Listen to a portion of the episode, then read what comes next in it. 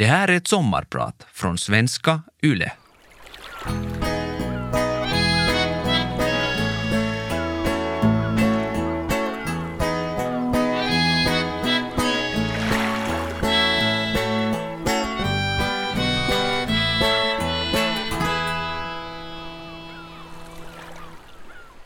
Det är 2017. Finland ska fylla 100 år och många har feststämning. Inte jag. Det är många år sedan mitt liv var en fest. Jag sitter i en kall båt i Munksnäs i Helsingfors. Isen har tack och lov inte lagt sig ännu. Men jag är ändå på många sätt under isen. Det är min kompis båt jag sitter i.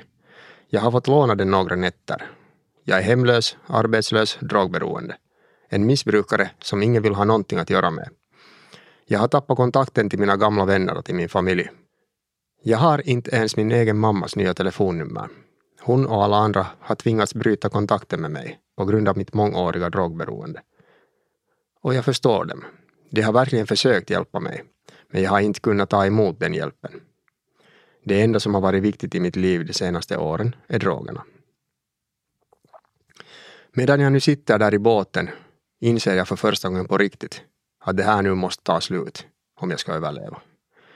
Jag inser att jag inte har något kvar. Allt har jag knarkat bort. Och på något konstigt sätt är det just det som ger mig styrkan att be om hjälp.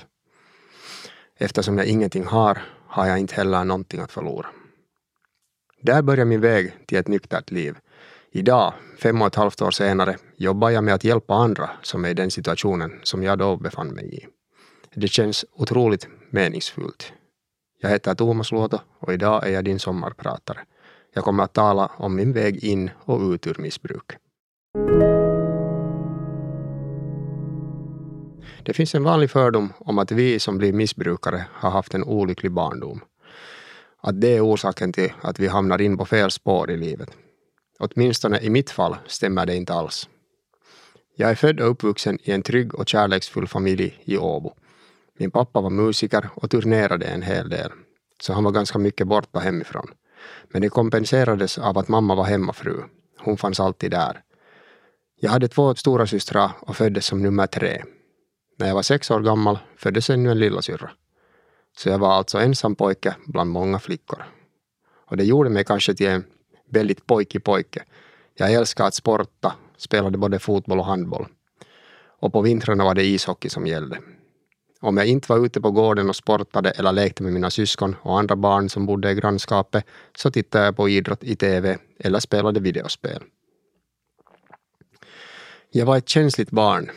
Jag grät ofta. Och det skulle ju pojkar helst inte göra i början av 90-talet. Ännu idag finns det väl rester av det där kvar, att vi uppfostrar pojkar till att inte gråta. Jag grät ofta av glädje och för att jag blev starkt berörd av någonting, som till exempel när jag lyckades med någonting eller fick just den födelsedagsgåva jag hade önskat. Och förstås grät jag också då jag blev ledsen eller kände ilska. När jag mötte motgångar. Och när man är så känslig som jag var och säkert fortfarande är, så kan också ganska små saker kännas som stora motgångar och utmaningar. Jag minns att jag redan som barn märkte att andra barn i min omgivning, mina syskon och kompisar, inte alls var lika känsliga. Att de inte grät lika lätt som jag.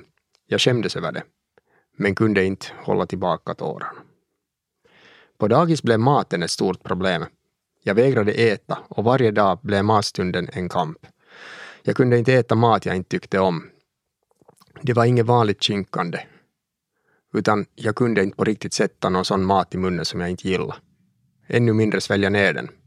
Hemma var det inget problem. Där fick jag den mat som jag tyckte om och var van vid. Men dagismaten kändes främmande. Och jag var rädd för det som var främmande. Jag hade två goda vänner i dagis. De andra barnen kändes främmande, så dem undvek jag om det bara gick. Jag tyckte inte heller om mina dagistanter, som man kallade dem på den tiden. Det kändes direkt elaka, sett ur min synvinkel då som barn. Många vuxna förutom mamma och pappa och andra närstående kändes just främmande och därför undvek jag dem om jag bara kunde. Min känslighet tog sig uttryck på det viset. Det där hängde med i lågstadiet, på de första klasserna, innan jag sen senare försökte skaffa mig en tuffare attityd, ett hårdare skal. När jag i min terapi har tittat tillbaks på min barndom finns det med andra ord ingenting att klaga på. Men jag ser ju att den här känsligheten som var så dominerande i min personlighet att den var ett tidigt tecken på att livet kommer att bli utmanande. Jag gjorde allt jag kunde för att undvika konflikter, för att fly från dem. Och att missbruka alkohol och droger är ju ofta det. En flykt från livet och verkligheten. Jag tog min första öl som tolvåring på sommarlovet mellan lågstadiet och högstadiet. Idag som vuxen inser jag ju att det var alldeles för tidigt. Barn som precis har gått ut lågstadiet ska förstås inte dricka alkohol. Men just då tyckte jag att det var en bra idé och dessutom helt normalt. Jag var inte på något sätt den första eller den enda. Det fanns en sån alkoholkultur i finlandssvenska kretsarna i Åbo på den tiden. Vi var inga missanpassade busungar, utan ganska snälla pojkar som klarade sig bra i skolan och som idrottade på fritiden. Just i de här idrottskretsarna var det populärt att dricka och man började tidigt. De äldre föregick med exempel. Vi yngre gjorde bara som de. Det var självklart att man skulle festa på vappen och skolavslutningen. Men inte behövde vi några sådana orsaker. Det hörde till att man drack kalja varje helg. På det sättet blev man en del av gänget. Och jag kan inte minnas att jag en enda gång skulle ha ifrågasatt det här. Vi brukar köpa själv våra öl, eller så fick vi någon myndig bekant att göra det. Allt det här pågick ganska osynligt eftersom vi var skötsamma och relativt duktiga i skolan och sportade och tränade. Ingen misstänkte något. Varken lärare eller föräldrar kände till hur mycket vi festade. I alla fall blandade de sig inte i. Jag minns min första fylla, hur bra den kändes. Det var som att komma hem. Jag var som sagt ett känsligt barn och jag växte upp till en minst lika känslig tonåring. Jag var en sökare. Jag sökte min plats och ett svar på frågan Vem är jag? Det är väl det tonåren går ut på för oss alla. Men jag tror att det finns de som hittar svaret på den här frågan ganska lätt och som inte heller tar det här grubblande på så himla stort allvar. Jag var inte sån. Jag funderade och funderade hela tiden. Vad är min uppgift i livet? Varför finns jag här? Och varför är jag så känslig? Jag gjorde allt för att undvika konflikter, svåra känslor och motgångar. Sånt som kunde göra att jag började gråta eller tappade den fasad som jag byggt upp. En självsäker kille som inte visar något känslor. Min egen osäkerhet visar jag aldrig. Detsamma gällde allt jag inte kunde eller visste. Jag undvek allt sånt, gjorde bara det jag visste att jag var bra på. Samtidigt drack vi alltså, mer eller mindre varje helg. Och jag blev mer och mer van vid den person jag var i fyllan. Med alkohol och andra substanser är det lätt att justera sitt känslotillstånd och den bild man har av sig själv. Jag blev självsäker, mindre känslig, eftersom alla känslor bedövades. Jag fick en sorts paus från mig själv och alla frågor och funderingar. Jag upplevde att jag fick perspektiv på saker och ting och längtade alltid efter nästa helg och nästa fest och fylla. Så småningom märkte jag att jag inte längre klarade mig utan rusmedel. På något sätt lyckades jag ändå hålla fast vid mina gamla rutiner och vänner. Jag spelade handboll, gick i skolan och fick mitt avgångsbetyg från grundskolan. Jag sökte in till det som på den tiden hette Handelsläroverket och där studerade jag ett drygt år tills jag ansåg att jag hade viktigare saker för mig. Det var drogerna som gjort entré i mitt liv. Först var det cannabis, sen amfetamin och sen olika opioider som till exempel Subutex. Där försvann också alla gamla vänner. Jag började umgås i helt nya kretsar med sådana som liksom jag var intresserade av att experimentera, som jag kallade det. Jag kunde inte erkänna för mig själv att jag var en 16-årig narkoman, så jag sa hellre att jag experimenterade.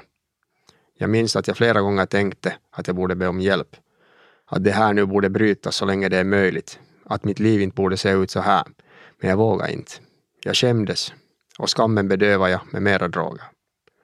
Efter att jag avbröt mina studier började jag jobba. Jag hade en massa olika ströjobb, men det funkade aldrig. Jag städade bland annat på Sverigebåtarna. Efter en tid fick jag antingen gå eller så sa jag upp mig. Jag klarade inte av att jobba och knarka samtidigt.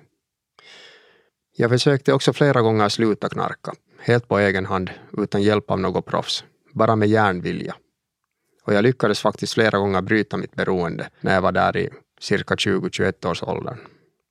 Men i det skedet var mitt liv redan så förstört att jag liksom inte hade någonting att leva för. Varje gång jag slutade knarka trodde jag att mitt liv skulle ordna upp sig, av sig själv. Att allt skulle bli bra. Men sen när jag lyckades bli drogfri låg jag bara hemma i sängen och var deprimerad och väntade på en förändring som aldrig kom. Livet fortsatte att vara lika skit som när jag knarkade, eller egentligen ännu sämre. Det tog jag som ett bevis på att knarket inte var det stora problemet i mitt liv. Så efter en tid var jag tillbaka i missbruk.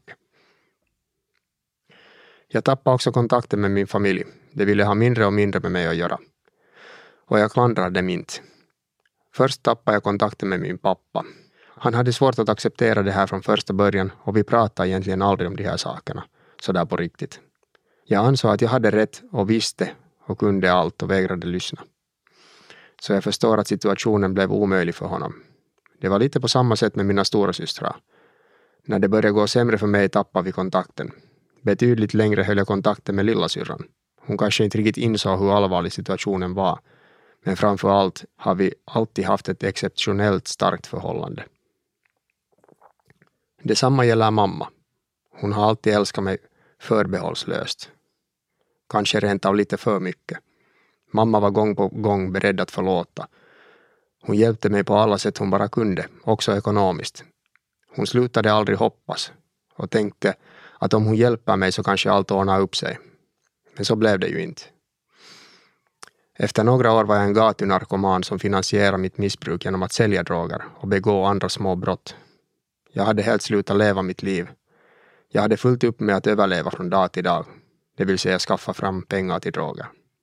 Mitt namn är Thomas Luoto och jag sommarpratar idag om min väg in och ut ur drogmissbruk.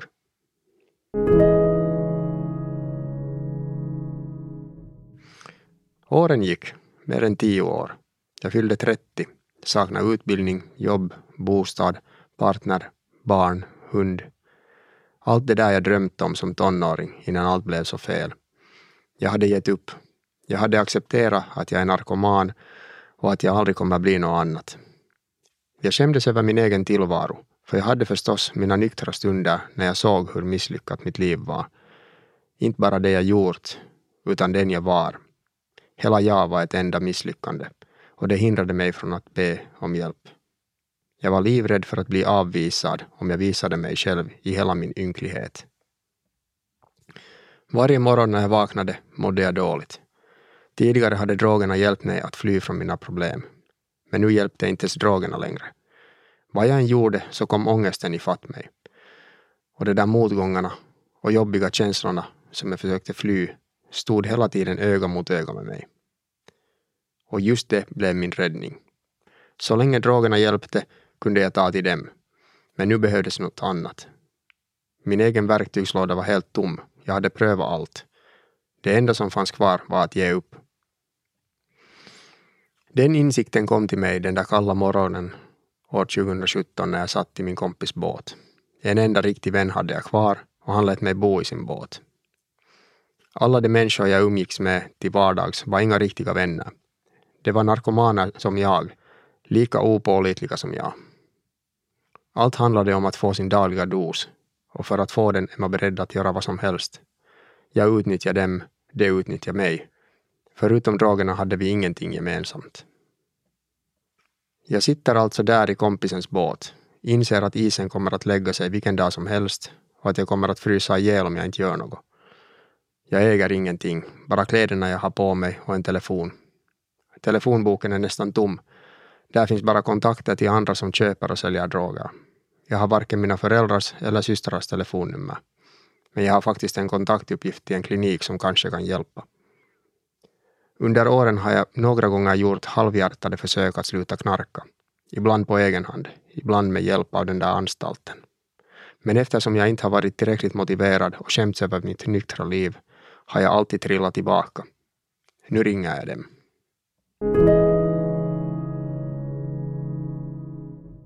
Det första som händer när man kommer in på en rehabiliteringsanstalt är att man avgiftas. Man får en säng att sova i och man gör inte så mycket annat än sover i flera dygn. Kroppen och själen behöver det och man får all den hjälp man behöver för att kunna sova och vila. Efter det börjar terapin, diskussionerna. Och en sak som för mig kom att bli helt avgörande var att jag för första gången fick träffa nyktra narkomaner. Det hade jag aldrig gjort tidigare. Jag hade aldrig med egna ögon sett att man faktiskt kan lämna knarkande bakom sig. Visst hände det att folk försvann från våra kretsar, men jag utgick alltid från att de antingen dött eller hamnat i fängelse, och så var det ju ofta. Men helt tydligt fanns det också sådana som hade lyckats bryta sitt missbruk. Nu satt det här framför mig och jag fick samtala med dem. Det som de alla hade gemensamt var att de hade blivit så kallade absolutister. Tidigare, då jag försökt sluta knarka, var mitt mål att bli en sån där vanlig människa som dricker vin till en god middag. Kanske starkare sorter när det är fest. Kanske lite cannabis nu och då. Det där som många människor klarar av, men inte jag. De här nyktra narkomanerna fick mig att förstå att från och med nu är det absolutism som gäller. Inga former av rusmedel, någonsin igen, för min del. Att det bara är det som behövs. Först var jag lite skeptisk, det lät för simpelt. Men jag var så på botten och jag hade prövat allt annat, så jag gav det en chans. Och på den vägen är jag. Jag märkte att allt faktiskt ordnar sig om jag håller mig nykter. Rehabiliteringsanstalten hjälpte mig att ta steg för steg. Jag fick ett boende, jag fick en inkomst och jag fick kompisar. Riktiga vänner som inte försökte utnyttja mig. Människor som jag hade något gemensamt med. Vi ville alla tillfriskna från drogmissbruket. För varje litet steg jag tog och som jag lyckades med växte jag som människa. Det blev lättare och lättare att vara med mig själv. Och kanske det var det allra viktigaste, att jag märkte att jag på riktigt kan påverka mitt eget liv och mitt eget mående. Att det faktiskt går att reda upp allt. Till och med ett sånt råddigt och förstört liv som mitt. Håller jag mig nykter löser sig allt. Den ångest jag känt varje dag i mer än 15 år, den lättade. Snabbt blev jag också en del av en terapeutisk gruppvård. Det är en gemenskap med 8 till 10 personer som just då går igenom samma sak. Alla vill tillfriskna från sitt missbruk. Vi bodde tillsammans under ett år. Den här gruppen och gemenskapen hjälpte mig att hållas på rätt väg. Genom diskussioner med gruppen och gruppens ledare lärde jag mig mycket om mig själv. Jag insåg vad det var som fick mig att bli missbrukare. Mitt behov av att fly från motgångar och svåra känslor. Min oförmåga att visa mig svag, att be om hjälp. Rädslan att visa hur sönder jag var. I den här gruppvården fick jag nya verktyg som lärde mig komma överens med mig själv. Nyckeln är på riktigt att våga tala. Våga berätta hur jag känner och tänker. Helt ärligt. Genom det märkte jag att jag inte är ensam om det här. Tidigare trodde jag just det, att jag var den enda som tänkte och kände som jag. Att det bara var jag som inte tyckte om mig själv. Att det bara var jag som såg upp till andra och respekterade dem, men aldrig den jag själv är. Att det bara var jag som var så här sträng och elak mot mig själv. I gruppen lärde jag mig att vi är många. Och tillsammans, och var för sig, lekte vi våra sår. Det finns ingenting mera kraftfullt än det. Människor som vågar vara sårbara i grupp och som sen stöder varandra. Jag lärde mig att lita på människor igen. Att det finns hjälp att få. Att man kan lösa saker tillsammans. Den här gruppvården gav mig faktiskt samma kick och samma känsla som jag kände första gången då jag provade droger. En sorts tillhörighet, en känsla av att komma hem, en sinnesro. Det där som jag så förtvivlat jagat i alla år. Skillnaden var att det inte kostade någonting den här gången, annat än mitt mod. Det kom ingen räkning efteråt, bara en frid och frihet. Genom den här processen har jag också lärt mig något lite om förlåtelse det enda som min familj och mina vänner hoppas är att jag fortsätter mitt liv som drogfri, så att jag i fortsättningen också får vara mig själv. Jag har aldrig bett om förlåtelse för det liv jag levt och inte heller för den människa jag har varit. Allt det jag gjort kommer jag nog säkert att be om förlåtelse för när tiden är lämplig. Att leva ett liv där mina handlingar direkt reflekterar mina värderingar är mitt sätt att be om förlåtelse av mig själv. Idag förlåter jag mig för att inte ha älskat mig själv tidigare.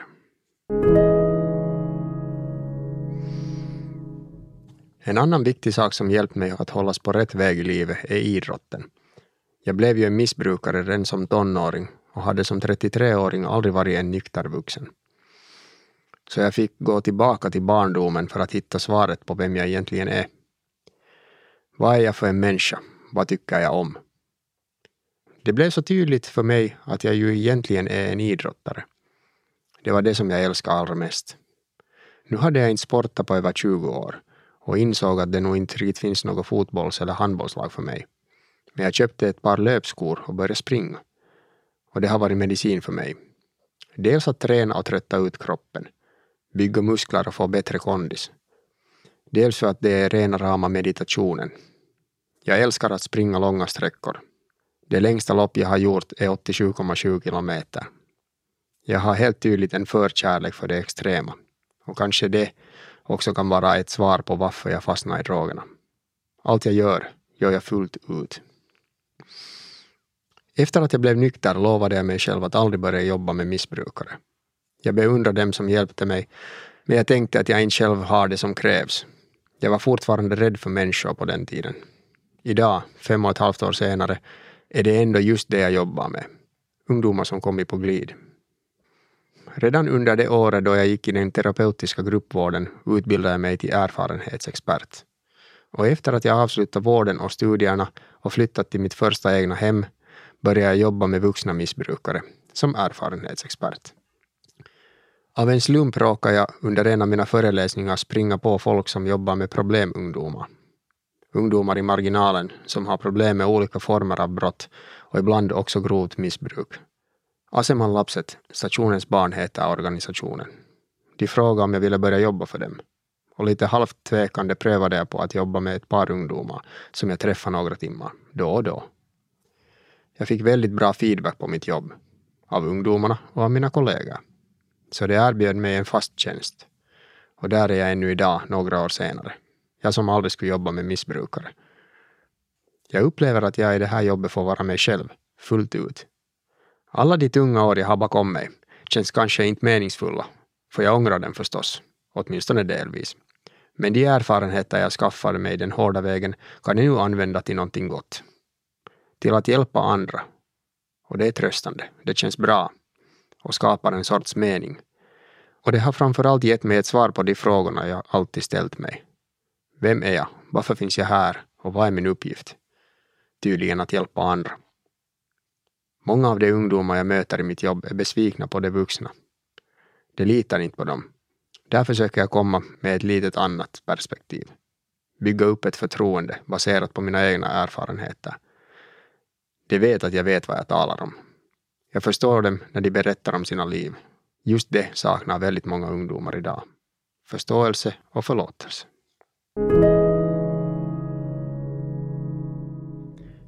Då jag blev nykter för drygt fem år sedan hade jag en rad drömmar. För det första att bli nykter och sen att få ett eget hem, ett jobb, en utbildning, en partner och en hund. På bara fem år har alla de här drömmarna gått i uppfyllelse. Jag är nykter, har en fin bostad, har en fast anställning där jag kan hjälpa andra som är i den situation jag en gång var. Jag har en underbar flickvän och en fin hund. Och vid sidan av mitt heltidsjobb studerar jag för tillfället för att bli ungdomsledare. Alla drömmar har blivit sanna och ändå fattar jag att det här bara är början. Jag har varit nykter i fem år. Före det missbrukade jag tungt i mer än 15. Jag har livet framför mig och det gör mig så otroligt tacksam. Vilka chanser det finns i livet för den som vågar. Som vågar lyssna på vad andra har att säga. Som vågar ta emot råd. Som vågar lita på att människor inte är onda och på att världen är en god plats. Som vågar vara sig själv utan rädsla att bli övergiven. Som inser att det är en styrka att vara sårbar och känslig. Ett par viktiga saker har jag lärt mig, som jag här på slutet gärna delar med mig av. Jag har insett att jag själv kan påverka ungefär 50 procent av allt som händer i mitt liv och att universum tar hand om resten. Och att det faktiskt räcker. Man behöver inte kontrollera precis allt. Det är inte ens möjligt att göra det. Därför är det skönt att släppa det kravet. Man behöver bara göra sin egen andel. Att lära sig känna igen det, det man kan påverka och det man inte kan påverka. Det tror jag det är det allra viktigaste. Jag är inte religiös person, men det finns en bön om sinnesro som jag tycker om. Ge mig sinnesro att acceptera det jag inte kan förändra, mod att förändra det jag kan och förstånd att inse skillnaden. Min ganska krokiga och tunga väg genom livet har också lärt mig att ingenting i livet är svartvitt. Ingenting. Allt har sina gråtoner. Utom en sak. För mig lönar det sig inte att ta en enda droppe alkohol eller rusmedel överhuvudtaget. Jag som har sommarpratat idag heter Thomas Luoto. Tack för att du har lyssnat på min berättelse. Kom ihåg att det finns hjälp att få.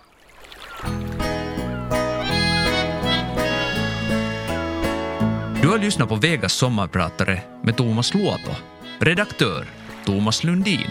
Vegas sommarpratare görs av Paradmedia för Svenska Yle.